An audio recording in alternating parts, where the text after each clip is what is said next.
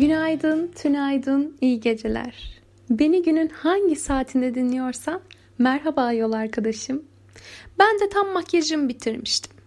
Bence kendini en iyi hissetmenin yolu bu. Seni neler iyi hissettiriyor? Hemen sarı ceketimi giyeyim de sokağa atayım kendimi. Hava biraz serin. Ama benim en sevdiğim havalar bunlar. Ne çok sıcak ne de çok soğuk. Tam kararında. Bu havalara en çok yürümek yakışıyor. Attığım her adım beni dostuma yaklaştırıyorsa eğer değmeyin keyfimi. Yine birlikte anlatacaklar. Sizi bilmem ama ben her şeyi dostuma anlatmadan edemiyorum. Bence bu dünyanın en güzel terapisi. Evet karşımda her halinden belli. O da sabırsız anlatacakları için. Sımsıkı sarılıyoruz. Başlıyor anlatmaya. Dur Hatice, oturalım önce. Çünkü bilirsiniz, sohbet etmek önemli bir müessese. Herhangi bir kafenin herhangi bir masasına oturuyoruz ve ardından masaya onlarca insanın derdine, sevincine ve hayal kırıklığına şahitlik etmiş fincanda bazen şekerli, bazen sade, bazen de tuzlu olan kahvelerimiz geliyor. O andan itibaren kalabalığın sayısal değeri ikiye düşüyor. Konuştukça konuşuyor, güldükçe gülüyoruz. Bir an yorgun düşüp de kafamı masaya koyup soluklanıyorum. Ta ki o sırada annem sesleniyor. Kızım hadi kalk işe geç kalma. Sakın maskeni takmayı unutma. Kolonyanı çantana koydum. Bir güzel rüyada yarım ve buruk kaldı bugün. Ben şu an yağmurlu bir havadan, şimşeklerle her dakika aydınlanan gökyüzünden bağlanıyorum sana. Karantinalarımızdan kurtulup normalleşmeye başladığımız bu günlerde normallik kelimesine yeni anlamlar katıyoruz.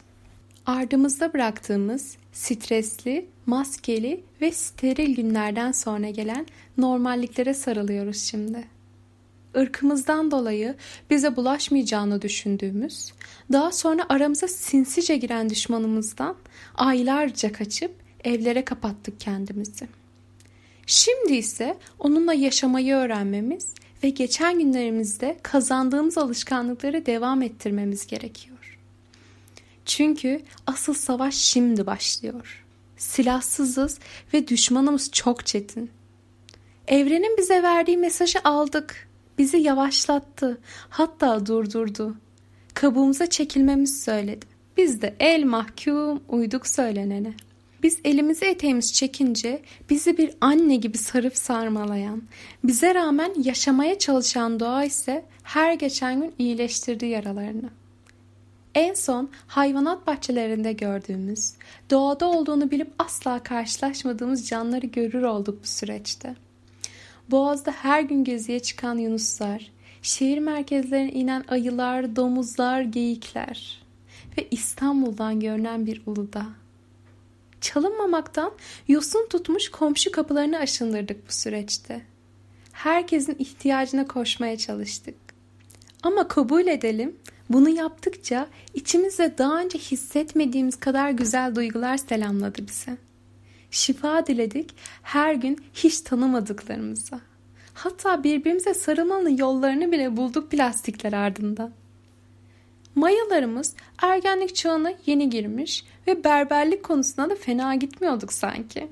Sağlıklı beslenme konusunda da takdire şayan adımlar atmıştık. Aslına bakarsanız yarının tarihin tam ortasındayız şu an. Etrafımızda tarihin en büyük olayları yaşanıyor.